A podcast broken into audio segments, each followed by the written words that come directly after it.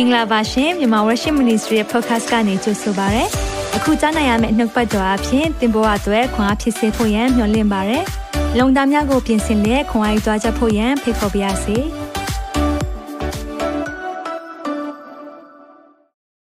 Holy Saturday ကနေအားလုံးကိုကြိုဆိုပါရစေမင်္ဂလာပါဒီနေ့က Holy Saturday ဒါမှမဟုတ် Silent Saturday ဒါမှမဟုတ်ရင်တော့ဥပုံနေ့နော် Shabbat အားလုံးငြိမ်သက်သွားတယ်တိတ်ဆိတ်သွားတဲ့အချိန်တလောကလုံးမျောလင်းချက်မဲ့တယ်လို့ခံစားရတဲ့အချိန်ဒါပေမဲ့ဒီချိန်မှာစဉ်းစားကြည့်အောင်နော်တပည့်တော်တွေဘယ်လိုခံစားရမလဲသူတို့တွေအင်မတန်မှကိုခံစားရမှာဖြစ်တယ်ဆိုတော့သူတို့အားကိုးတဲ့သခင်မရှိတော့သူတို့မျောလင့်ထားတာနော်သူတို့မျောလင့်ထားတဲ့နိုင်ငံတော်ဆိုတာလေသခင်ယေရှုကဘီရင်လုပ်မယ်အဲဒီမှာ အားလုံးယောမတွေကိုတွန်းလှန်မယ်စသဖြင့်သူတို့အဲ့လိုမျိုးထင်ထားတဲ့အချိန်မှာသခင်ယေရှုရဲ့ကားစဉ်ပေါ်မှာအသက်ခံရတယ်ဒီလိုဖြစ်တဲ့အချိန်မှာသူတို့ဘယ်လိုခံစားရမလဲမျောလင့်ခြင်းမဲ့မိသားစုတွေလည်းခြေကွဲနေဒါပေမဲ့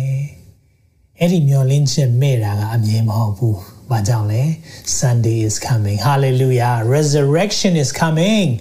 ဒါကြောင့်ရှင်ပြန်ထမြောက်ခြင်းဆိုတာကသေခြင်းမရှိဘဲရှင်လို့မရဘူး။ဒါကြောင့်မလို့ရှင်ပြန်ထမြောက်သောအရှင်ဖြစ်ကြောင်းပြဖို့သည်သေဖို့လိုတယ်။ဒါကြောင့်မလို့သေခြင်းမှန်ကိုအောင်ကြောင်းပြတဲ့အရှင်သခင်ယေရှုတပါးပဲရှိတယ်ဟာလေလုယာကြီးမြတ်တဲ့ဖခင်နာမတော်ကိုချီးမွမ်းရအောင်ဖခင်ဘုန်းတော်နာမတော်တာ၍ဘုန်းကြီး၍ မင်္ဂလာရှိပါစေဒါကြောင့်ကျွန်တော်တို့တွေဒီနေ့သခင်ယေရှုကိုဂုဏ်ပြုရအောင် amen resurrection ထမြောက်ခြင်းလာပြီလို့ရေးပါအောင်เนาะထမြောက်ခြင်းလာပြီထမြောက်ခြင်းလာပြီဘာကြောင့်လဲဒီနေ့ငြိမ်နေတယ်ဒီနေ့ရှဘတ်ဖြစ်တဲ့ခါမှာအားလုံးကလည်းတိတ်ဆိတ်နေတယ်ဒါပေမဲ့ resurrection is coming amen သင်ပေါ်မှာလည်းဒီနေ့ဘာလို့လို့ဘာကင်ရမှမသိဘူးမှောင်တယ်လို့ခံစားရတယ်တိတ်ဆိတ်နေတယ်ကြေကွဲနေရတယ်ဆိုရင် ဒီနေ့နားလည်လိုက်ပါသခင်ယေရှုကဘာပြောထားလဲကျွန်တော်တို့ကိုဘာပေးထားလဲရှင်ပြန်ထမြောက်တဲ့တကူတော်ပေးထားတယ်။တန်ရှင်သောဝိညာဉ်တော်ဆိုတာအဲ့ဒီရှင်ပြန်ထမြောက်တဲ့တကူတော်ဖြစ်တယ်။ဒါကြောင့်ပြန်ထပါမိတ်ဆွေဝိညာဉ်ထဲမှာ လဲနေတယ်ဆိုရင်ပြန်ထပါယုံကြည်ခြင်းခီးလမ်းမှာခြေချော်သွားတယ်ဆိုရင်ပြန်ထပါဒီနေ့ဘုရားသင်ကိုသိချစ်တယ်ဒီနှုတ်ဘတ်တော်ကိုတိုက်ဆိုင်တိုက်ဆိုင်မှုနဲ့သင်ကြားတာမဟုတ်ဘူးဒီနေ့ဘုရားကြားစီလိုတဲ့အရာဖြစ်တယ်အာမင်အဲကြောင့်ဒီနေ့နှုတ်ဘတ်တော်ကိုလည်းခံယူသွားရအောင်မနေ့ကလည်းကျွန်တော်တို့နှုတ်ဘတ်တော်ခံယူပြီးပြီဒါပေမဲ့ဒီနေ့မှလည်းကျွန်တော်တို့နှုတ်ဘတ်တော်ကိုအားလုံးပဲခံယူသွားကြရအောင်ဆိုတော့ဒီနေ့ဘာအကြောင်းလေးပြောခြင်းလဲဆိုရင်တော့ဒါဒီနေ့က စာရှောင်ခြင်းရဲ့နောက်ဆုံးရက်ဖြစ်တယ်เนาะအားလုံးပဲအဆင်ပြေကြလားမသိဘူးเนาะကျွန်တော်လည်း day 1ကနေ day 7 ထိ number 1နဲ့သွားတာဖြစ်တယ်ဆ iam နဲ့ကျွန်တော်နဲ့တောက်လျှောက်သွားတယ်တယောက်နဲ့တယောက်ခွန်အားပေးတယ်ပြီးတော့ယုံကြည်သူတွေကိုခွန်အားပေးတယ်တစ်ချိန်တည်းမှာပဲသက်သေခံခြင်းများအဖြစ်လဲကိုယ့်ရဲ့သက်တာမှာခွန်အားဖြစ်တယ်အာမင်ဒါကြောင့်မလို့အာကျွန်တော်ဒါမျိုးနှစ်တိုင်းလှုပ်သွားနိုင်ရင်မကောင်းဘူးလား เนาะအဲကြောင့်ကျွန်တော်တို့ဒီစူးစမ်းရအောင်အားလုံးပဲပါဝင်ဖို့ရန်အတွက်လည်းဖိတ်ခေါ်ပါတယ်အာမင်ထားမြောက်ခြင်းလာပြီနောက်ဆုံးရက်ဆိုတော့နှုတ်ကပတ်တော်ကိုလည်းကျွန်တော်ဒီလိုပဲပေးထားပါတယ်နောက်ဆုံး minute နောက်ဆုံး minute last minute ပေါ့နော် last minute နဲ့ပတ်သက်ပြီးတော့ကျွန်တော်တို့တွေတချို့တွေဆို last minute သိကြိုက်တာရှိတယ်เนาะဆိုတော့အဲ့ဒီထဲမှာတစ်ခါလေကျွန်တော်ကပါတတ်တယ်အထူးသဖြင့်ကျွန်တော်စာနဲ့ပတ်သက်တာတို့เนาะလုပ်တယ်ဆိုရင် last minute လေးကိုကျွန်တော်သဘောကျတယ် သဘောကျတယ်ဆိုတော့အဲ့လိုဖြစ်ဖြစ်သွားတာပေါ့ဆိုတော့နောက်ဆုံး minute နော် assignment ဆိုတခါမှရက်ကြိုပြီးတော့အပ်တယ်ဆိုတာမရှိဘူးကျွန်တော်ဘဝမှာဆရာမကတော့အဲ့ဒီဘိုင်းမှာအင်မတန်မှသူကဟိုတောတယ်ဆိုတော့သူကကြိုအပ်နိုင်တယ်ကြိုလုံနိုင်တယ်ကျွန်တော်ကတော့နောက်ဆုံးချိန်ထိထားပြီးမှတခါလေတညလုံးပေါက်စာရေးတာနော်အဲ့လိုလုပ်ပြီးတော့3နာရီ assignment အားရမယ်ဆိုရင်နော်3နာရီထိုးခံနေ9မိနစ်လောက်မှအပ်နိုင်တာနောက်ဆုံး minute နော်လုံလုံနေတာဒီနေ့အဲ့နောက်ဆုံး minute ကလေ အင်မတန်မှစိတ်အဲဘယ်လိုပြောမလဲယင်တဲမမပြောဘူးတခါလေကြာရင်မအိနိုင်တော့ဘူးလေနော်ကိုကအလုံးဝမပြီးသေးဒါမတင်တော့ assignment မတင်ဘူးဆိုရင်ကြာတော့မယ်ဟာဒီလိုဖြစ်တဲ့အခါမှာနောက်ဆုံး minute နောက်ဆုံး minute နော်အဲ့ဒီအချိန်မှာ adrenaline ဆိုတာဟာလားကျွန်တော်တို့အဲ့ဒီကြာမှာနော်တချို့တွေရှိပါလိမ့်မယ်နော် last minute မှာကြီးကျယ်လုပ်တဲ့အဖွဲ့တွေရှိတယ်ဒါပေမဲ့ဒီနေ့မှာလည်းအဲ့ဒီ last minute လုပ်တဲ့တယောက်ရှိတယ် ဒါပေမဲ့အဲ့ဒီ last minute လုပ်တဲ့အရာလေးနဲ့ပတ်သက်ပြီးတော့ကျွန်တော်တို့တစ်ချက်လောက်လေ့လာသွားရအောင်เนาะနှုတ်ပတ်တော်အတွက်ခဏလောက်အနံ့ရအောင် သက်ရှင်သောသာရမြတ်စွာသောဘုရားသခင်ဒီနေ့နောက်ဆုံးနေ့တိုင်ကိုတော့ပို့ဆောင်နေကျွန်တော်တို့ကိုနှုတ်ပတ်တော်အဖြစ်ထပ်မံ၍ဖွင့်ပြပါနားလည်စေပါကိုရောရဲ့မြတ်တာကိုတာ၍ခံစားဖို့အကြောင်းဖြစ်ပါစေကိုရောရဲ့အသက်ရှင်ခြင်းနဲ့ယေရှုဘယ်သူလဲဆိုတာကိုဒီနှုတ်ပတ်တော်အဖြစ်တာ၍မြင်တွေ့ဖို့အကြောင်းဖြစ်ပါစေချိန်တိုင်းသက်သာအလုံးဆက်ကပ်ပါရယ်စပစ္စည်းများမှာစာ၍ line အားလုံးကိုလည်းမိများအားလုံးကိုလည်းဆက်ကပ်ပါရယ် နှုတ်ပါဇရှာအားလုံးကိုလည်းဆက်ကပ်ပါတယ်သခင်ယေရှုရဲ့မြတ်သောနာမ၌စက္ကန့်နဲ့ဆုတောင်းပါ၏အာမင်ဝန်ခံပါအောင်နှုတ်ကပတ်တော်သည်အကျွန်ုပ်ခြေရှိမှမိခွက်ဖြစ်၍အကျွန်ုပ်လန်ခီကိုလင်းစေပါတစ်ခါလောက်ဝန်ခံပါအောင်နှုတ်ကပတ်တော်သည်အကျွန်ုပ်ခြေရှိမှမိခွက်ဖြစ်၍အကျွန်ုပ်လန်ခီကိုလင်းစေပါ၏ဒီနေ့အလင်းရမယ်ဖခင်ရဲ့အလင်းမောင်မိုက်နေတဲ့နေရာမှာပုံမထွန်းလင်းပါစေအာမင်နောက်ဆုံး minute last minute ဆိုတော့နောက်ဆုံးနေ့မှာကျွန်တော် last minute အကြောင်းပြောသွားရအောင်ဒါကိုနှုတ်ပတ်တော်ထဲမှာကျွန်တော်ဖတ်ရအောင်ရှင်လုကာခရစ်ဝင်ကျမ်းအခန်းကြီး23ထိုအခါကိုရောနဲ့အတူလူဆိုးနှစ်ယောက်တို့ကိုလည်းတတ်အံ့သောငါထုတ်သွားကြ၏နော်လက်ဝါးကားတိုင်းမှာအသေးခံမဲ့အချိန်မှာလူဆိုးနှစ်ယောက်လည်းအသေးခံတာနဲ့တစ်ချိန်တည်းမှာဖြစ်နေတယ်ကာရာနီအမိရှိသောရက်တို့ရောက်ကြတော့အဲ့ဒီမှာကာရာနီလို့ပြောတယ်နော် လူကာ23 32ကနေကျွန်တော်ဖတ်နေတာဖြစ်တယ်ဆိုတော့33မှာကာရာနီဆိုတဲ့အဓိပ္ပာယ်ကလက်တင်လိုနဲ့ဥကောင်းခွန် skull နော်ဆိုတော့ဥကောင်းခွန်ဆိုတဲ့အဓိပ္ပာယ်ဖြစ်တယ်ဥကောင်းကိုအမိရှိတာပေါ့နော်ဂရာနီအမိရှိတော့အရက်တို့ရောက်ကြတော့ကိုရိုနဲ့တကွာထော်လူဆိုးတို့ကိုလက်ရတော့ဘက်နိုင်တယောက်လက်ဝဲတော်ဘက်နိုင်တယောက်လက်ဝါးကတိုင်မှာရိုက်ထားကြ၏တဲ့ဆိုတော့လက်ရဘက်မှာတယောက်လက်ဝဲဘက်မှာတယောက်ရိုက်ထားတယ်ပြောချင်တဲ့သဘောကယေရှုကိုသူတို့ကညီတူညီမျှတွေ့ခွင့်ရှိတယ်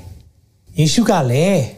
အိုးအဘာသူတို့ရဲ့ပြစ်ကိုလွတ်တော်မူပါသူ့ကိုလှုပ်တဲ့သူတွေယောမစစ်သားတွေသူ့ကိုတတ်တဲ့ဂျန်တပုတ်ကိုတွေဆွဆွဲတဲ့သူတွေအားလုံးပေါ်ပြောနေတာအပြစ်ကိုလွတ်ပါတဲ့သူတို့ဒီကိုပြုတ်သောအမှုကိုမသိကြသူတို့ဘာကြောင့်လှုပ်တယ်လဲမသိဘူးဟုဝတ်ဆိုတော်မူ၏အဝတ်တော်ကိုလည်းစေးတံချ၍ဝေဖန်ကြ၏ဆိုတော့သူရဲ့အင်ဂျီသူ့ရဲ့ဝတ်လုံကိုလည်းနော်အန်စာတုံးလှိမ့်တာပေါ့နော်နားလည်အောင်ပြောရမယ်ဆိုရင်တော့စေးတံချရဲဆိုတာမဲနှိုက်ပြီးတော့ယူကြတယ်တဲ့ လူများတို့ဒီလေချိရှုရဲ့ရက်နေကြ၏ထိုသူတို့နှင့်အတူမင်းအရာရှိတို့ကဤသူသည်သူတပားတို့ကိုကယ်တင်တတ်၏အောက်ကနေလှမ်းပြောနေတာနော်သူများကိုကယ်တင်တယ်ခရစ်တော်တည်ဟူသောဘုရားသခင်ရွေးချယ်တော်မူသောသူမှန်လျင်ခရစ်တော်မှန်တယ်ဆိုရင်ကိုကိုကိုကယ်တင်ပါလေစေဟူပြည့်ရဲ့ပြူကြ၏လောင်ပြောင်ကြတယ်စစ်တီရဲတို့ကလည်းလာ၍ပုံရည်ကိုကပ်ပေးကပ်ပေးလျက်တင်းသည်ယူရရှင်ပြန်မှန်လျင် ကိုကိုကယ်တင်လို့ဟူ၍ပြည့်ရဲ့ပြူလျက်ဆိုကြ၏ဆိုတော့အောက်ကနေလှောင်တာလည်းရှိတယ်ပုံရည်လို့ပြောတဲ့အခါမှာ sour wine လို့ပြောတာပေါ့နော်အဲ့ဒါပြီးရင်အတနေရာမှာဆိုရင်တော့မူရန်နဲ့ရောတဲ့စပြည့်ရည်လို့ပြောတယ်ဆိုတော့အဲ့ဒါကဘာကိုတက်တာစီလဲဆိုတော့ကိုခန္ဓာနာကျင်မှုတွေကိုအနာတွေကိုတက်တာစီတာပေါ့ဒါမဲ့သခင်ယေရှုကညင်းတယ်လို့ပြောတယ်ဆိုတော့အတိတ်ပဲကဘာလဲဆိုတော့အပြစ်တရားရဲ့အခကို तू ခံစားတဲ့အချိန်မှာတက်တာခြင်းကို तू မရှာဘူး ခေါင်းတော်ပေါ်မှာတက်၍အပြစ်ဖော်ပြသောကပီးလိပ်စာချက်မှုကဤသူသည်ယူရရှင်ဘီရင်ပေသည် the king of the jews ဟေဘရဲဘာသာဟေလတာဆိုတာ Greek Greek လို့လည်းရေးတယ်ယောမဘာသာအဖြစ်ရေးเนาะစကား၃မျိုးနဲ့ဘာသာစကား၃မျိုးနဲ့ရေးပြီးတော့ခေါင်းတော်ပေါ်မှာတတ်ထားသည်ဆွဲထားသောလူဆိုးနှစ်ယောက်တွင်တယောက်ကတင်းသည်ခရစ်တော်မှန်လင်ကိုကို၎င်းငါတို့ကို၎င်းကဲတင်လောဟုကိုရောကိုကဲ၍ဆိုလေ၏ တယောက်မူကားနော်တယောက်ကပြောတယ်ခရစ်တော်မှန်တယ်ဆိုရင်ငါတို့ကိုလည်းကဲလေကိုကိုလည်းကဲလေအဲ့ချိန်မှာနောက်တစ်ယောက်ကမိမိဖို့ဆုံးပါတယ်တဲ့အဲ့လိုမပြောနဲ့တင်းသည်ဤသူနီးသူအပြစ်ဒဏ်ခံလျက်ပင်ဖျားသခင်ကိုမကြောက်အခုလိုခံနေတာတော့မင်းဖျားကိုမကြောက်ဘူးနော်ငါတို့ဒီမိကိုပြုမိသောအပြစ်နဲ့အလျောက်ခံရသည်ဖြစ်၍တရားသဖြင့်ခံရကြ၏တဲ့ဆိုတော့အခုခံရတဲ့ဒဏ်နော် criminal ဆိုတော့ရာဇဝတ်သားအခုအဲ့လိုကားစဉ်တတ်တယ်ကားစဉ်ပေါ်မှာတင်ပြီးတော့သတ်တယ်ဆိုတဲ့အရာကလူသမိုင်းမှာအကြမ်းတမ်းဆုံးနဲ့အခက်ခဲဆုံးအရက်ဆက်ဆုံးတပ်ဖြတ်နည်းဖြစ်တယ်အဲ့ဒီအချိန်တတ်တာတော့မှသူကဘာပြောလဲဆိုတော့ fair ဖြစ်တယ်တဲ့ငါတို့လှုပ်ခဲ့တဲ့အရာအတွက်ခံရတာဖြစ်တယ်ဤသူမူကားဆိုတာယေရှုပြောတာအဘယ်အပြစ်ကိုမျှမပြုဘူးဆိုလက်ဆိုပြီးလင်သခင်ကိုရောဒီနိုင်ငံတော်တည်လျက် ကြွလာတော်မူသောအခါအကျွန်ုပ်ကို အောက်မေ့တော်မူပါဒီတယောက်ဘာလို့လို့ပြောတာလဲနိုင်ငံတော်တည်တယ်အခုပဲသူတို့၃ယောက်လုံးကားစဉ်ပေါ်မှာတေခံနီးဖြစ်နေကြပြီဒါပေမဲ့ဒီတယောက်ကကိုရိုနိုင်ငံတော်တည်ပြီးကြွလာမယ်ဆိုရင်ဆိုသူကမေရှိယဆိုတာကိုသိတယ်ဖခင်ရဲ့နိုင်ငံဟာလေအခုနိုင်ငံမဟုတ်ဘဲနဲ့ထာဝရတည်မြဲမဲ့နိုင်ငံကိုဆိုလိုရဲဆိုတဲ့အကြောင်းကိုပြောတာဖြစ်တယ်ယေရှုကိုရှောက်ဆို၏ယေရှုကလည်း အမှပြောပြောရရဖြစ်တယ်ငါအမှန်ဆိုသည်ကယနေ့တွင်သင်သည်ငါနှင့်အတူပရာတိသူဘုံ၌ရှိလိမ့်မည်ဟုမိန်တော်မူ၏နောက်ဆုံးလေးကိုပြန်ဖတ်ချင်ပါတယ်ငါအမှန်ဆိုသည်ကယနေ့တွင်သင်သည်ငါနှင့်အတူပရာတိသူဘုံ၌ရှိလိမ့်မည်ဟုမိန်တော်မူ၏ဖတ်သွားတဲ့ notebook မှာဖျားရှိကောင်းကြည့်ပေးပါစေ last minute နော်နောက်ဆုံး minute လေး တေခါနီးနေပြီနောက်ဆုံး minute လေးမှာမှဒီတယောက်ကဆုံးဖြတ်ချက်ချသွားတာမနေ့ကလည်းကျွန်တော်တို့ကရွေးချယ်မှုအကြောင်းပြောခဲ့တယ်ဘာရဘာကိုရွေးမလားသခင်ကိုရွေးမလားလို့ပြောတဲ့ခါမှာဘာရဘာကိုကယ်ပါတဲ့သခင်ကိုတတ်ပါတဲ့သူတို့ရွေးလိုက်တယ်ဒီနေ့မှလည်းသခင်ယေရှုရဲ့လက်ဝဲဘက်နဲ့လက်ရဘက်မှာနှစ်ယောက်ရှိတယ်နှစ်ယောက်လုံးကသခင်ယေရှုကိုညီတူညီမျှ equal access ညီတူညီမျှသူတို့ကမြင်လို့ရတယ်စကားပြောလို့ရတယ်အဲ့လိုအချိန်မှာနောက်ဆုံးမိနစ်ရဲ့ရွေးချယ်မှုလဲသိရေးကြည့်တယ်အဲကြောင့်နောက်ဆုံးမိနစ်နဲ့ပတ်သက်ပြီးရင်ကျွန်တော်တို့ကဟိုမမေ့နိုင်တဲ့အဖြစ်အပျက်လေးပေါ့နော်အဲ့ဒီအဖြစ်အပျက်လေးကိုကျွန်တော်ပြောပြမယ်ဆိုတော့တချို့လူတွေဒီထဲမှာဒီအကြောင်းအရာကိုလည်းမှတ်မိနေအောင်မဲ့သူတွေရှိတယ်ဒါလေးကိုမှတ်မိကြလားမသိဘူး26ခုနှစ်မေလ 1996ခုနှစ်တုန်းအကြောင်းအဲ့ဒါဘာလဲဆိုတော့ဆိုတော့ဘောလုံးပွဲเนาะ UEFA Champion League Final အဲ့ဒီ final မှာ Man U เนาะ Man U fan ဒီထဲမှာရှိလိမ့်မယ်เนาะ Bayern Munich နဲ့သူတို့နောက်ဆုံး final ကန်တဲ့ဥစ္စာလေးကို ဘယ်နှယောက်မှတ်မိကြလဲမသိဘူးကျွန်တော်ကအဲ့ဒီအဖြစ်ဖြစ်ကိုမမေ့နိုင်သေးဘူးတချို့ကတော့69ဆိုတော့เนาะကလေးလေးပဲရှိအောင်တချို့ကမွေးတော်မမွေးသေးဘူးထင်ပါတယ်เนาะတချို့တွေမွေးအောင်မထင်ဘူးတချို့တွေကတော့အဲ့ဒီပွဲကိုမှတ်မိနေအောင်မဲ့သူတွေရှိတယ်ဆိုတော့အဲ့ဒီပွဲအကြောင်းတချို့လည်းသိတယ်ဆိုတော့အဲ့ဒီပွဲမှာဘာဖြစ်လဲဆိုတော့ Man U နဲ့ Bayern Munich ဆိုတာဂျာမနီက club ကနော်ဆိုတော့ Man U ကတော့ England club ဆိုတော့သူတို့က final မှာကန်ကြမယ်လို့ဒီခါမှာဖြစ်ချင်တော့ Man U ဖွဲ့က ကွင်းလယ်မှာအရေးပါတဲ့ Bosco နဲ့ Ranking နော် Ranking ကိုအဲ့ဒီဥစ္စာကို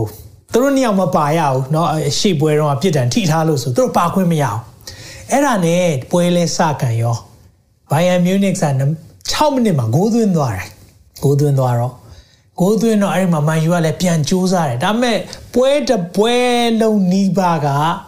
မန်ယူကခံစစ်ကြီးပဲအဲ့ဒါဟိုဖွဲကတစ်ချိန်လုံးဂိုးသွင်းဖို့ကြိုးစားတယ်တိုင်ဆိုနှစ်ခါလောက်ထိတယ် ဆိုတော့အဲ့ဒီတိုင်နှစ်ခါလောက်ထိပြီးတော့ဟာသူတို့တွေကတော့အဲ့ဒီမှာနိုင်ပြီနော်နိုင်တလောက်ဖြစ်နေပြီအဲ့နဲ့အချိန်တိတ်မကြံတော့တဲ့အချိန်မှာလူစားလဲတယ်နော်လူစားဝင်လာတဲ့နှစ်ယောက်အဲ့ဒါနဲ့မိနစ်60ရောက်သွားပြီ။ဆိုတော့ဘောလုံးပွဲကမိနစ်60ပဲကြာတယ်။ဒါပေမဲ့60ကြာတဲ့အချိန်မှာ60မှာမပြီးဘူး။ဘာလို့လဲဆိုတော့သူတို့ဒဏ်ရာရခြင်းဆိုပြီးတော့မိနစ်အပိုလေးကန်ရတဲ့အချိန်ရှိတယ်။3မိနစ်တက်ကန်ရမယ်တဲ့။အဲ့လိုလဲနေတဲ့အချိန်မှာ ဖြစ်ချင်တော့60နဲ့မှ1မိနစ်မှာမန်ယူဖက်ကခြေပကိုသွင်းလိုက်တယ်။အဲ့ဒါနဲ့ခြေပကိုလည်းသွင်းလိုက်ရောဟာမယုံနိုင်ကြဘူးမန်ယူပရိသတ်တွေကတော့ထားခုံဟိုဖက်ကပရိသတ်တွေကခေါင်းနဲ့ကင်ပြီးမယုံနိုင်ဘူးသူတို့ဖလားကလက်ကတစ်ဖက်ရောက်နေပြီးသားဘယ်လိုလုပ်ရမလဲ အဲ့နဲ့နေနေတော့မှရှိသေးတယ်မကြောက်63မိနစ်ပွဲပြီးတော့မယ်နော်ဆိုတော့အချိန်ပိုကန်ရတော့မှာပေါ့ချိန်ပိုကန်ရတော့မယ်တကူတကူသိဖြစ်နေအဲ့ဒီအချိန်လေးမှာပဲဟိုနောက်တကူမှယူသွင်းပလိုက်တော့အဲ့ဒီမှာနှစ်ကူတကူနဲ့ပွဲဟာပြီးသွားတဲ့ခါမှာနှစ်ဖွဲ့ရှိတယ်နောက်ဆုံးမိနစ်မှာအောင်ပွဲခံသွားတဲ့တစ်ဖွဲ့ရှိတယ်နောက်ဆုံးမိနစ်မှာကြေကွဲသွားတဲ့တစ်ဖွဲ့ရှိတယ် ဒါကြောင့်မလို့နောက်ဆုံးမိနစ်ကသိရေးကြီးတယ်နော်မိတ်ဆွေနောက်ဆုံးမိနစ်ဆိုတာဘာလဲသင်အသက်မသေးဆုံးခင်အချိန်လေးသင်ဒီကနေခန္ဓာနဲ့ဝိညာဉ်မကွဲကွာခွင့်အချိန်လေးမှာဆုံးဖြတ်ရမယ့်အရာသိရေးကြီးတယ်။ဒါကြောင့်မလို့သင်နောက်ဆုံးမိနစ်မှာသင်ပါရွေးချယ်မလဲ။နောက်ဆုံးမိနစ်မှာသင်ဒီနေ့မှာကားတိုင်းပေါ်မှာရွေးချယ်သွားတဲ့နော်တခိုးနှစ်ယောက်ထေရတယောက်ဒီနေ့ဘာရွေးချယ်သွားလဲသခင်ကိုရွေးချယ်သွားတယ်။အဲကြောင့်သင်ရဲ့ရွေးချယ်မှုသိရေးကြီးတယ်နော်။အအမိတ်ဆွေကိုဒီနေ့မှာဒီအရာလေးပြောပြချင်တယ်အာငါနောက်ဆုံးမိနစ်အထိထားလိုက်ပါဦးမယ် last minute ကျွန်တော်တို့ထားတတ်တယ်ဒါပေမဲ့ကျွန်တော်တို့ကနော် deadline က deadline လို့ပြောတဲ့အရာလေးပေါ့နော် deadline ဆိုတာကန့်သက်ချိန်ပြီးပြီဆိုတော့ဘောလုံးပွဲမှာဆိုမိနစ်60ကန့်သက်ချိန်ပြီးပြီနောက် assignment ဆိုရင်ဘယ်နေ့မှတင်ရမယ်ဆိုရင်ကန့်သက်ချိန်ရှိတယ် ဒါပေမဲ့ကန့်သက်ချိန်မသိတဲ့အရာတခုကဘာလဲဆိုတော့သင်နဲ့ကျွန်တော်ဘယ်အချိန်မှာအသက်ဆုံးရှုံးမလဲဆိုတာမသိဘူးအသက်ငယ်သေးတယ်အသက်ငယ်တဲ့သူလည်းသိတယ်အသက်ကြီးနေပြီမသိသေးတာလည်းရှိတယ်တည်သွားတာလည်းရှိတယ်အာကိုဗစ်ဖြစ်တယ်ပြန်ကောင်းတာလည်းရှိတယ်ဆုံးပါသွားတာလည်းရှိတယ်အားကြောင့်နောက်ဆုံးအချိန်လို့ပြောတဲ့အခါမှာ ဒီနေ့ကနောက်ဆုံးချိန်ပဲသင်အတွက်အခုချိန်ကနောက်ဆုံးချိန်ဘာလို့လဲနောက်တစ်မိနစ်မှာသင်အသက်ရှင်မရှင်ကျွန်တော်လည်းမပြောနိုင်ဘူးသင်လည်းမသိဘူးသင်လည်းမပြောနိုင်ဘူးဖခင်တပါးတည်းသိတယ်ဒါကြောင့်ဒီအချိန်ဟာနောက်ဆုံးချိန်ဖြစ်တယ်ဟာလေလုယာအဲကြောင့်မိတ်ဆွေဒီနေ့အခုအချိန်ဟာနောက်ဆုံးချိန်ဖြစ်တဲ့အတွက်ဒီနောက်ဆုံးချိန်ရဲ့အရေးကြီးတဲ့ပုံကိုဒီနေ့ပြောပြချင်တယ်နောက်နောက်ဆုံးချိန်မှာလဝါကားတိုင်းပုံမှာရွေးချယ်လို့ရသေးတယ် သူတို့အသက်မဆုံးရှုံးသေးဘူးရွေးချယ်လို့ရတယ်နှစ်ယောက်လုံးသူတို့နှစ်ယောက်လုံးဒါပေမဲ့တစ်ယောက်ကဘာရွေးလဲကြည့်ပြီးတော့ခရစ်တော်ဆိုရင်ကယ်လေးကူဟာကိုဘာကြောင့်လဲ तू အောက်ကပြောတဲ့အတန်ကို तू ကြားတယ်အောက်ကနေလှောင်ပြောင်ပြောတဲ့အရာဟာဟာဟိုမှာကြည့်အောင် तू တော့သူများကိုကယ်တင်ပြီးတော့သူ့သူမကယ်နိုင်ဘူးအဲ့ဒီပြောတဲ့အတန်တွေကိုကြားတဲ့အခါမှာနားယောင်ပြီးတော့ follow the crowd လူတို့နောက်လိုက်သွားတယ်အကြောင်း ဒီနေ့လူများတဲ့နောက်လိုက်ဖို့မဟုတ်ဘူးလူများတဲ့နောက်လိုက်တဲ့အခါမှာ तू ကဟာဒါဆိုအဲ့ဒီစကားအတိုင်းသူပြန်ပြောတာခရစ်တော်ဆိုရင်ကိုကိုကယ်လေငါတို့လည်းကယ်လေဒါပေမဲ့တခြားတစ်ယောက်ကပါပြောလဲလူတွေကြားပါတယ်နော်နှစ်ယောက်လုံးအားလုံးကကြားတဲ့စကားပဲနှစ်ယောက်လုံးကြားတယ်ပြည့်ရပြူတဲ့စကားတန်နေဒါပေမဲ့သူကြားတဲ့အထဲမှာထူးခြားတဲ့တစ်ချက်ပါလဲ Father forgive them ခွင့်လွတ်ပေးပါသူတို့ဘာလုပ်တယ်လဲဆိုတာမသိဘူးဆိုတဲ့အရာကိုလေသူကကြားတယ်စဉ်းစားကြည့်အောင်နော်ဒီလောက်နာကျင်ဆိုတာကိုယ့်ကိုလှုပ်တဲ့အရာကားတိုင်းပေါ်မှာတတ်တဲ့အရာဒါပေမဲ့လှုပ်တဲ့သူတွေကိုခွင့်လွတ်ပေးဖို့ဆုတောင်းပေးတယ်ဆိုဒီတယောက်ကထူးခြားတယ်သိကြတာကတော့ခရစ်တော်ဖြစ်လိမ့်မယ်အာမင် အဲကြောင့်မိတ်ဆွေခရစ်တော်ကိုနှစ်ယောက်လုံးကနောက်ဆုံးချိန်မှာမြင်မြင်လို့ရတယ်ဒါပေမဲ့အမြင်မတူဘူးတယောက်ကလောကအမြင်နဲ့ကြည့်တယ်ဝေဖန်ခြင်းတဲ့အမြင်နဲ့ကြည့်တယ် criticize လုပ်ခြင်းတဲ့အမြင်နဲ့ကြည့်တယ်နောက်တစ်ယောက်ကတော့ ဒါငါအတွက်အခွင့်ကောင်းပဲ opportunity အခွင့်အရေးဖြစ်တယ်လို့မြင်တယ် hallelujah ဒီနေ့သခင်ယေရှုဟာသင်ရဲ့အခွင့်အရေးဖြစ်တယ် amen ဝန်ခံပါဦးသခင်ယေရှုဟာသင်ရဲ့အခွင့်အရေးဖြစ်တယ်ဒါသင်ရဲ့နောက်ဆုံးမိနစ်ပဲနောက်ဆုံးမိနစ်ပဲအဲ့ဒီနောက်ဆုံးမိနစ်မှာသခင်ယေရှုဟာသင်ရဲ့အခွင့်အရေးဖြစ်တယ်ဒါကြောင့်မိတ်ဆွေသင်ပါရွေးချင်မလဲသင်ပါရွေးချင်မလဲသိသွားတဲ့တခိုးနှစ်ယောက်တည်းอ่ะဒီယောက်ကသခင်ကိုရွေးတာ သူ့ကိုကြည့်ပြီးတော့သင်ခန်းစာယူလို့ရတဲ့အရာလေးတချို့ရှိတယ်အဲ့ဒါလေးကိုကျွန်တော်ဒီနေ့မှာပြောပြချင်တယ်အဲ့ထက်ကတခုကဘာလဲဆိုတော့ကားရင်ထက်ကသင်ခန်းစာနံပါတ်1ကကဲတင်ခြင်းဆိုတာသင်ရဲ့ကောင်းမှုကုသိုလ်နဲ့မသက်ဆိုင်ဘူးပြန်ပြောမယ်နော်ကဲတင်ခြင်းဆိုတာသင်ရဲ့ကောင်းမှုကုသိုလ်နဲ့မသက်ဆိုင်ဘူးဘာကြောင့်လို့ပြောတာလဲကယ်တင်ခြင်းဟာသင်ရဲ့ကောင်းမှုကုသိုလ်နဲ့မသက်ဆိုင်ဘူးဆိုတာ စဉ်းစားကြည့်ရအောင်ကျွန်တော်ကောင်းမှုကုသိုလ်ဆိုတာကျွန်တော်လက်နဲ့လုပ်နိုင်တဲ့အရာကျွန်တော်ပေးကမ်းနိုင်တဲ့အရာကျွန်တော်တို့သူတစ်ပါးအတွက်လုပ်ပေးတဲ့အရာတွေကျွန်တော်တို့ကကောင်းတယ်လို့ထင်တဲ့အရာတွေဒါပေမဲ့အဲ့အဲ့ဒီဓမြအဲ့ဒီသခိုးကိုကြည့်လိုက်သူ့လက်ကလှုပ်လို့မရတော့ဘူးကားတိုင်းပေါ်မှာရိုက်ထားပြီးပြီသူ့ခြေကလည်းသွားလို့မရတော့ဘူးကားတိုင်းပေါ်မှာရိုက်ထားပြီးပြီသူ့နှုတ်ကလည်းစကားပြောဖို့အနိုင်နိုင်အရိုက်ခံထားတဲ့အတွက်ဖူးယောင်နေပြီဒီအချိန်မှာသိကြတာတခုကတော့ သူကောင်းမှုကုသိုလ်လုပ်လို့မရတော့ဘူးဒါမဲ့ကယ်တင်ခြင်းရနိုင်သေးလားရနိုင်သေးတယ်ဟာလေလုယာဒါကြောင့်ကယ်တင်ခြင်းဆိုတာသင်ရဲ့ကောင်းမှုကုသိုလ်လုပ်နိုင်ခြင်းနဲ့မဆိုင်ဘူးတချို့ဂိုင်းကနာတွေကယ်တင်ခြင်းစိတ်ချမှုရပြီလား are you safe လို့ပြောရင်ဘာပြောလဲ i hope so တဲ့ င ငါမျော်လင့်ပါတယ်တဲ့ no i know so amen i know so တိကိုတိနေတာကယ်တင်ခြင်းရတယ်ဆိုတာငါမျော်လင့်ပါတယ်တဲ့တစ်ချက်တစ်ချိန်ကြာမှခရစ်တော်ရဲ့ရှေ့ရောက်မှကယ်တင်ခြင်းရမရတိမဲ့ပုံစံခံယူချက်တွေရှိတယ်မဟုတ်ဘူး you can know so amen သင်သိလို့ရတယ်ဒါကြောင့်မလို့အဲ့ဒီဓမြဖို့เนาะအဲ့ဒီတခိုးကြည့်တဲ့အခါမှာကယ်တင်ခြင်းရသွားတယ်။ဘာကြောင့်ကယ်တင်ခြင်းရတယ်လို့ပြောတာလဲ။ သခင်ကပြောတယ်ပါရာတိသူပုံမှာဒီနေ့ဒီနေ့ငါနဲ့တွေ့မယ်။ဒီနေ့ပါရာတိသူပုံမှာသင်နဲ့ကျွန်တော်တွေ့မယ်။ဟာလေလုယာ။ဒါကြောင့်ကျွန်တော်တို့ရဲ့ကုသိုလ်ကောင်းမှုနဲ့ ဒီနေ့ဘာမှကယ်တင်ခြင်းဆိုတဲ့အရာမရောက်နိုင်ဘူးပေးလူနိုင်လွန်းလို့လုံနိုင်လွန်းလို့လုံးဝမဆိုင်ဘူးဒီနေ့သခင်ယေရှုကိုယုံကြည်လက်ခံခြင်းနဲ့ပဲဆိုင်တယ်အာမင်ကယ်တင်ခြင်းဆိုတာဖျားပေးတဲ့ဆုကျေးဇူးဖြစ်တယ်ဒါကြောင့်နှုတ်ကပတ်တော်ထဲမှာကျွန်တော်တို့အားလုံးသိတဲ့နှုတ်ကပတ်တော်ဖြစ်တယ်ကျွန်တော်တို့ဒါကိုလုံးဝခရိယန်တိုင်းသိထားရမယ့်အရာဖြစ်တယ်အေဖက်နဲ့အငယ်ရှင်းမှာ ဘာအဖြစ်လဲယုံကြည်သောအဖြစ်ဘာအဖြစ်လဲယုံကြည်သောအဖြစ်ဂျေဇုတော်ကြောင့်ကယ်တင်ခြင်းသို့ရောက်ရ၏ဟာလေလုယာယုံကြည်သောအဖြစ်ဂျေဇုတော်ကြောင့်ဆိုတော့အဲ့မှာနှစ်ပိုင်းတွေ့ရတယ်တင့်ပိုင်းကလောက်ရမှာပါလေယုံကြည်သောအဖြစ်ဖះပိုင်းကလှုပ်ပေးတာပါလေဂျေဇုတော်ကယ်တင်ခြင်းရတယ်ဒီနေ့အဲ့ဒီအချိန်မှာ तू မလှုပ်နိုင်တော့ဘူးလေကောင်းမှုကုသိုလ်နှစ်ယောက်ရှိတယ် တယောက်ကယုံတယ်တယောက်ကမယုံအဲကြောင့်ယုံကြည်ခြင်းဆိုတဲ့အရာကသိရေးကြည့်တယ်မိတ်ဆွေအဲကြောင့်တယောက်ကယုံတယ်ယုံတယ်ကိုရောဟာမေရှိယဖြစ်ကြောင်းယုံတယ်ကိုရောဟာကဲတင်နိုင်ကြောင်းယုံတယ်ဒါကြောင့် तू ကပြောတာငါတို့ကဒီအပြစ်တွေကိုထိုက်တန်လို့ခံရတာ तू ကအပြစ်မရှိပဲခံဖခင်ရဲ့အပြစ်မရှိခြင်းကိုလည်း तू သိတယ်တစ်ချိန်တည်းမှာပဲဒီအရာ ကိုရောနိုင်ငံလာမယ်ဆိုရင်သိနေပြီဒါမေရှိယဆိုတာသူရန်တွေ့ဖူးချင်မှတွေ့ဖူးလိမ့်မယ်ဒါပေမဲ့နောက်ဆုံးမိနစ်အဲကြောင့်မိတ်ဆွေနောက်ဆုံးမိနစ်ရဲ့ဆုံးဖြတ်ချက်အရေးကြီးတယ်မိတ်ဆွေဒါဓမ္မမိတ်ဆွေဖြစ်တယ်သင်ဒီအကြောင်းကိုအခုမှကြားဘူးတယ်ဆိုရင်သင်ဒီနေ့မှဆုံးဖြတ်ချက်ချပါသင်ရဲ့နောက်ဆုံးမိနစ်ဖြစ်တယ်သင်ထာဝရကောင်းကင်ကိုသွားလို့ရတယ်ထာဝရအသက်ရနိုင်တယ်လို့ဖျားနဲ့ဝေးကွာမဲ့နေရာ ငရဲမိအိုင်သွားမယ်ဒီနှစ်ခုမှာတင့်ရဲ့ရွေးချယ်ခြင်းဖြစ်တယ်အကယ်၍သာနောက်ဆုံးမိနစ်မှာနောင်တရရင်ဒါကြောင့်ကျွန်တော်တို့စစ်မှန်တဲ့နောင်တဆိုတာကိုအပြစ်ရှိကြောင်းသိတာအပြစ်ရှိပြီးတော့သခင်ကိုလိုအပ်ကြောင်းပြောတဲ့အရာဖြစ်တယ်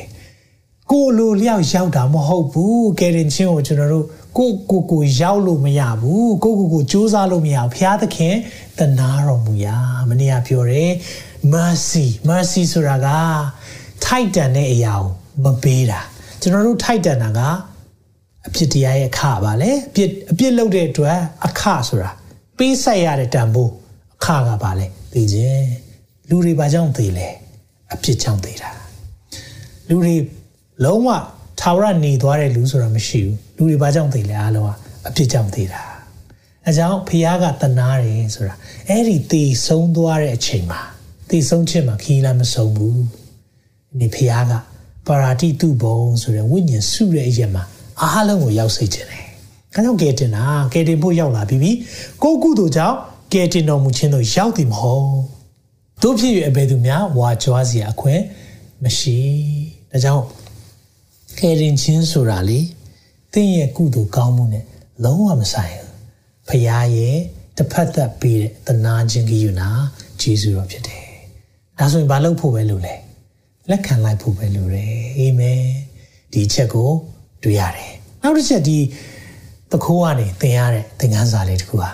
ကယ်တင်ခြင်းဆိုတာယုံကြည်လိုက်တာနဲ့ယုံကြည်လိုက်တာနဲ့လက်ခံရရှိနိုင်တဲ့အရာဖြစ်တယ်။ ဘာကြောင့်ဒါကိုပြောတာလဲဆိုတော့တချို့တွေကကယ်တင်ခြင်းရသေးလား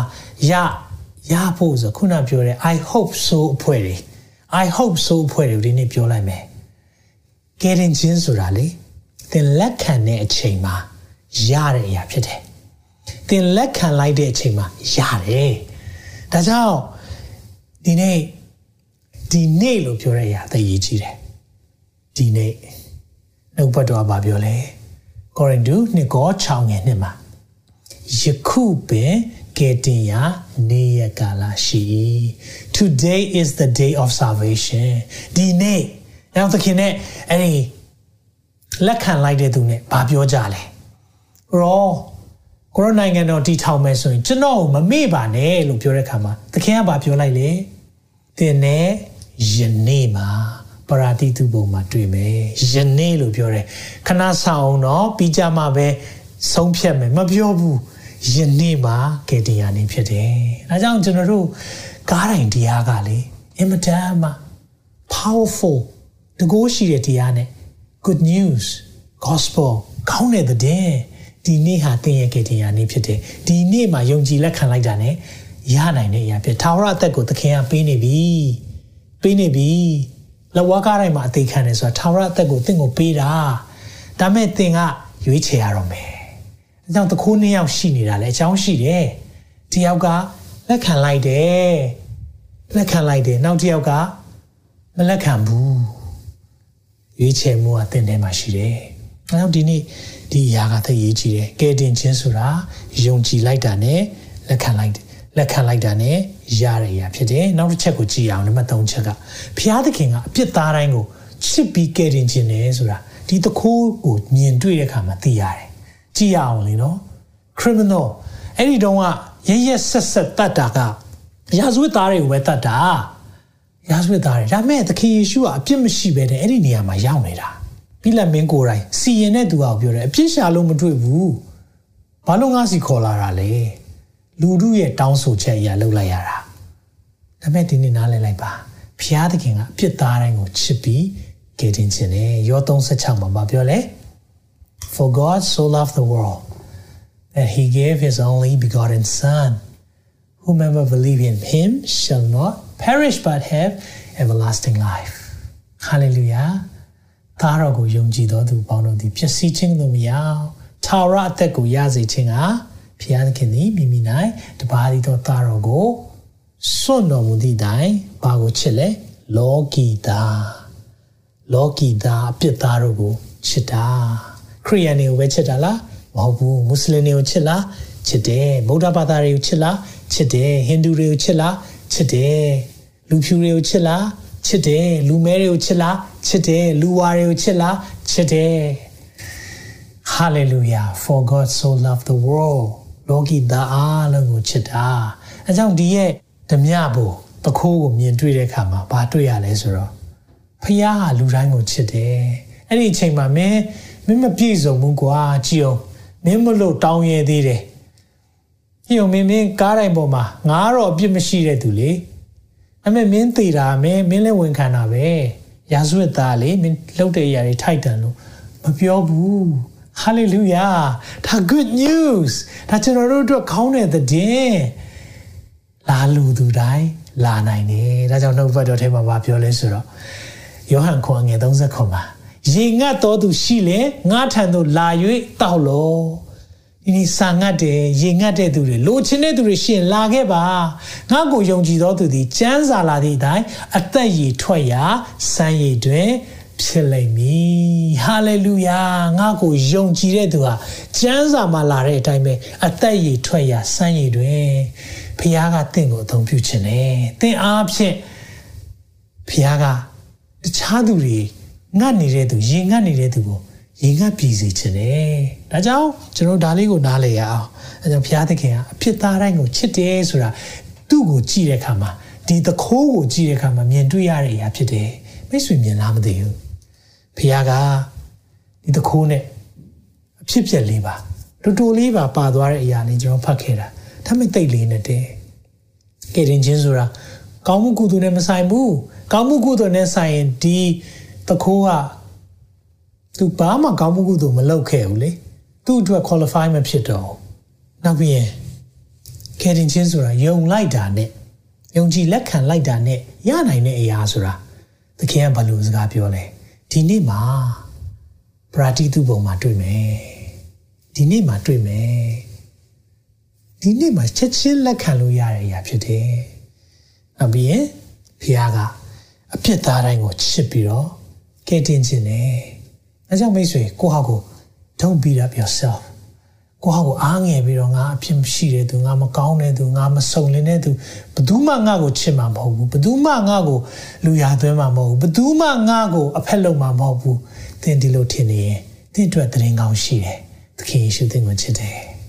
သခင်ယေရှုဖခင်သင်ကိုသိချစ်တယ်အကြောင်းလောကီသားတွေကိုချစ်တယ်ဆိုတာသင်ကိုသိချစ်လွန်းလို့လောကကိုလာပြီးတော့အသေးခံခဲ့တာဖြစ်တယ်အကြောင်းမိတ်ဆွေဒီနေ့မှာဖခင်ရဲ့ကယ်တင်ခြင်း ဂျေဇုတော်ကိုလက်ခံလိုက်ပါလဝါကားတဲ့ပုံမှာနောက်ဆုံးမိနစ်မှာတယောက်ကလက်ခံတယ်တယောက်ကလည်းမခံဘူးသင်ပဲတယောက်လဲသင်ပဲတယောက်လဲနောက်ဆုံးမိနစ်လို့ပြောတဲ့အခါမှာဒီနေ့ပဲဒီချိန်ပဲ every minute is the last minute ပဲကျွန်တော်ဘယ်ချိန်သိမလဲမသိဘူးအားတငယ်တဲ့ကျမ်းပါတယ်ပြောလို့မရဘူးတရက်တရက်မှာလူသသိန်းခွဲလောက်သိနေတာ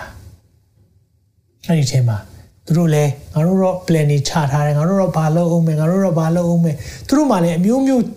ကြံစီပါလိမ့်မယ်ဒါပေမဲ့သူတို့မကြံစီနိုင်တဲ့အရာသိခြင်းကနေတော့လွတ်မြောက်ဖို့ရန်အတွက်မလုပ်နိုင်ဘူးအဲကြောင့်သင်ကိုဖခင်ကဒီနှုတ်ပတ်တော်ကြားစေတာဖြစ်တယ်နောက်ဆုံးချက်ကျွန်တော်သွားရအောင်အဲ့ဒါကဘာလဲဆိုတော့ယုံကြည်သူများသိဆုံးပြီးတာနဲ့သခင်ထံချက်ချင်းရောက်တယ် အဲကြောင့်ကျွန်တော်တို့ယုံကြည်သူများမှာမျှော်လင့်ချက်ရှိတယ်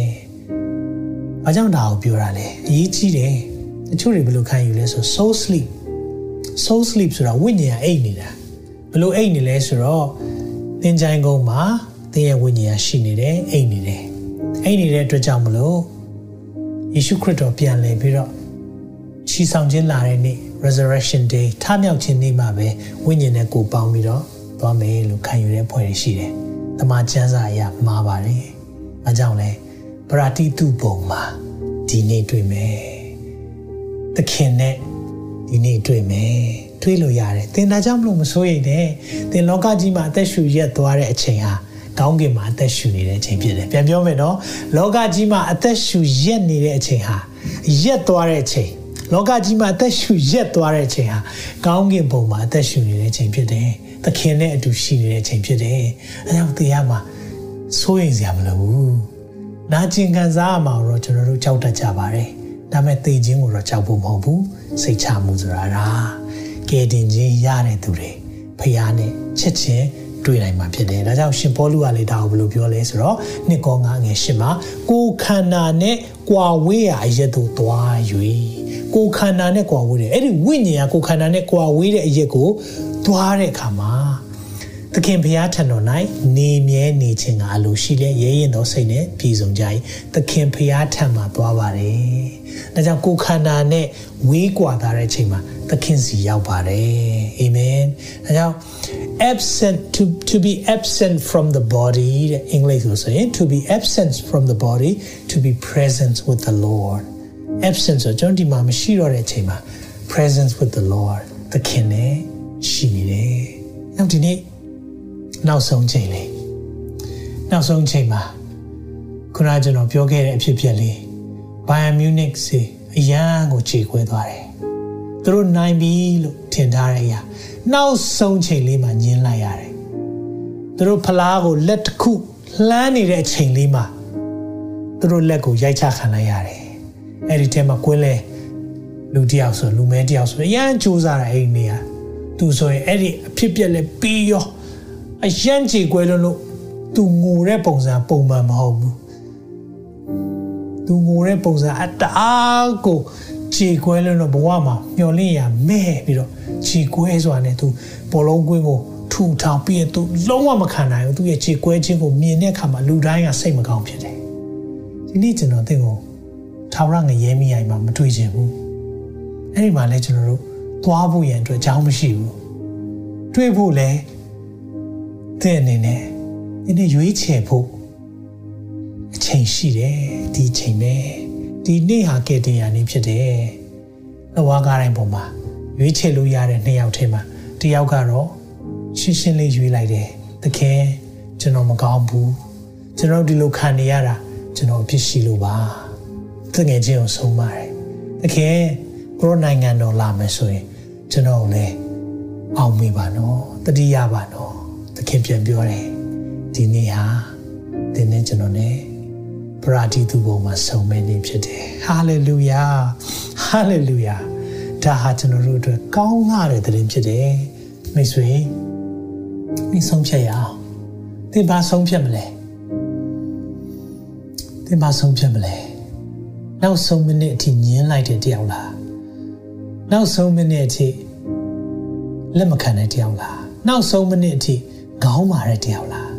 နောက်ဆုံးမိနစ်အထိကိုကိုကိုအပြစ်ရှိတယ်လို့မမြင်တဲ့တယောက်လားဒါဆိုရင်တော့သင်အတွက်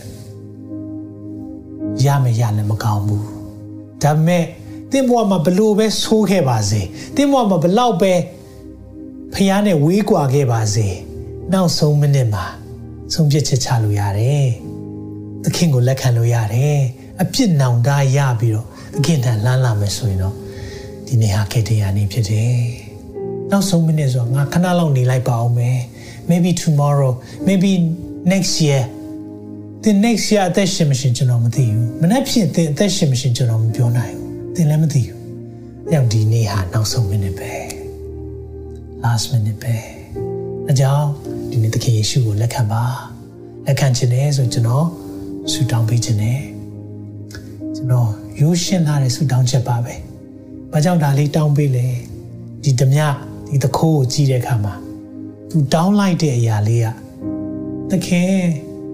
ကျွန်တော်တို့အပြစ်ရှိတယ်အပြစ်ကြောင့်ခံရတယ်ဆိုရင်နောင်တရှိတယ်သခင်ဟာမေရှိယဖြစ်ကြောင်းသူဝန်ခံတယ်သခင်နိုင်ငံတော်လာမယ်ဆိုတော့သူသိတယ်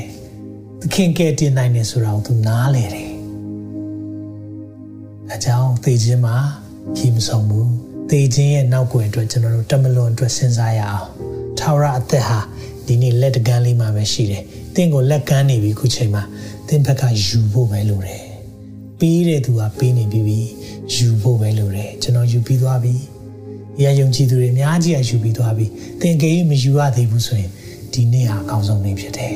။အာမင်။ဒါကြောင့်ကျွန်တော်ရှေ့ကနေတိုင်ပေးမယ်။တင်နှလုံးသားထဲမှာ သခင်ကိုလက်ခံခြင်းနဲ့နောက်ဆုံးမိနစ်မှာသခင်ကို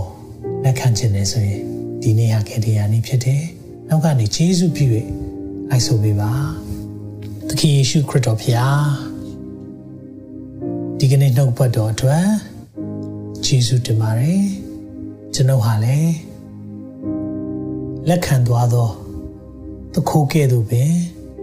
နောက်ဆုံးအချိန်လေးမှာ ကိုရောကိုလက်ခံလိုပါတယ်။ကျွန်ုပ်ဟာအပြစ်သားဖြစ်ပါတယ်။အပြစ်အားလုံးအတွက်ဝင်ချတောင်းပန်ပါတယ်။လဝါကတိုင်ပေါ်မှာသခင်ပြုတဲ့အရာအဖြစ်ကျွန်တော်အတွက်တမလွန်အတွက်အာမခံချက်ကိုရရှိနိုင်ကြောင်းဒီကနေ့မှာသိရှိပါပြီ။သခင်ယေရှုဖခင်ကိုလက်ခံပါတယ်။ကျွန်တော်ဘဝကို ကိုရောလက်ဝင်နိုင်အပ်ပါတယ်။ကျွန်တော်ရဲ့တမလွန်နောက်ရေးအတွက်တာဝန်ယူသောဖခင်ကိုဒီကနေ့မှာရရှိကြောင်းဝန်ခံပါ၏။ဘာဒီတော်သားတော်မြတ်သခင်ယေရှုနာမ၌ဆုတောင်းပါ၏။အာမင်။အာမင်။အာမင်။ အာမင်ဒီနေ့အာမင်သင်ဒီရဲ့ဆုတောင်းချက်ကိုတောင်းနေဆိုရင်ကျွန်တော်တို့ကိုကြောင်းချပါကျွန်တော်တို့ကိုပြောပြပါသခင်ယေရှုဖခင်ကိုလက်ခံတော်သူဖြစ်တယ်ဆိုရင်ကျွန်တော်တို့ပြင်ဆင်ပေးခြင်းတဲ့အရာလေးတွေရှိတယ်။ Now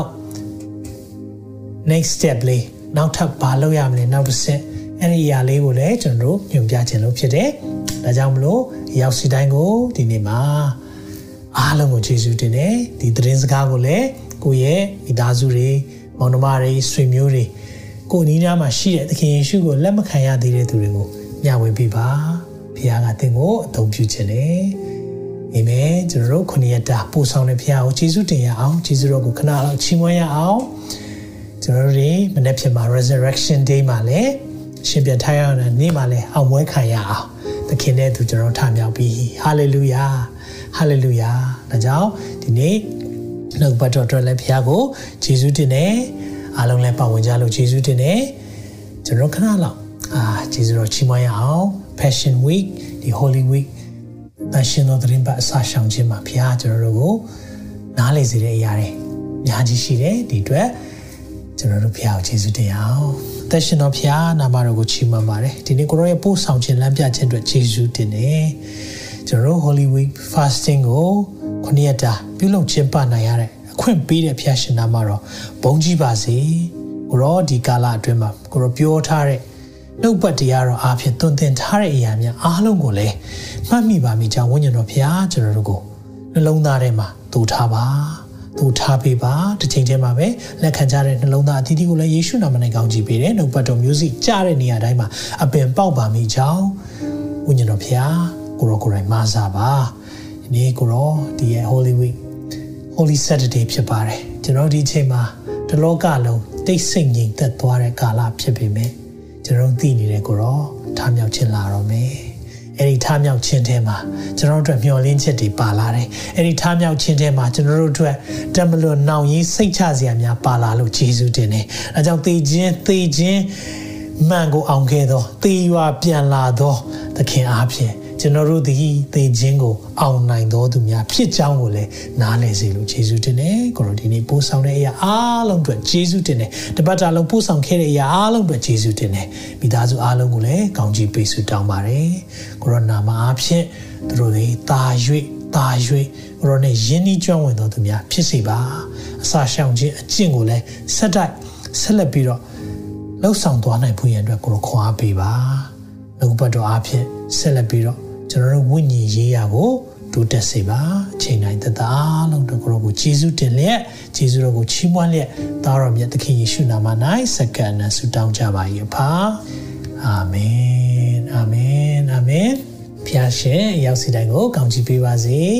မနေ့ဖြစ်မှာပြန်လဲဆုံတွေ့ပါအောင်မယ်နော်ကျွန်တော်ကောင်းချီးပေးခြင်းနဲ့ဆုံသက်ပါမယ်သာရဖျားသည်သင်ကိုကောင်းချီးပေး၍ဆောင်မတော်မူပါစေသောသာရဖျားသည်သင်၌မျက်နာတော်အလင်းကိုလွှတ်၍ဂိယူနာယေရှုပြုတော်မူပါစေသောသာရဖျားသည်သင်ကိုမျှော်ကြည့်၍ချမ်းသာပေးတော်မူပါစေသော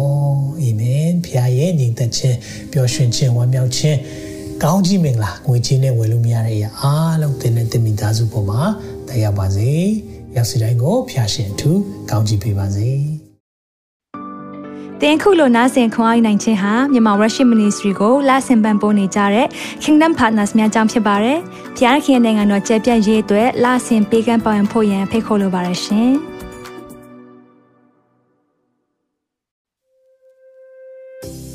အခုကြားနာခဲ့ရတဲ့နှုတ်ပတ်တော်အဖြစ်ခွန်အားရရှိမဲ့လို့ယုံကြည်မျှော်လင့်ပါတယ်။ခွန်အားရဆိုလို့ရှိရင်ဒီတစ်ပတ်နဲ့ပြန်လည်ဝင်မြပေးဖို့ရန်တောင်းဆိုပါရစေ။ Myanmar Worship Ministry ရဲ့ website myanmarworship.com ကိုလည်းလာရောက်လေ့လာဖို့ရန်အတွက်ဖိတ်ခေါ်ချင်ပါတယ်။တချိန်ထဲမှာ Myanmar Worship Ministry ရဲ့ social media platform များဖြစ်တဲ့ Myanmar Worship YouTube Channel, Myanmar Worship Facebook Page နဲ့ Myanmar Worship Instagram များကိုလည်းလာရောက်လေ့လာဖို့ရန်အတွက်ဖိတ်ခေါ်ချင်ပါတယ်။နောက်တစ်ချိန်မှာပြန်လည်ဆုံတွေ့ကြပါစို့။ဖျားရှင်ကောင်းကြီးပေးပါစေ။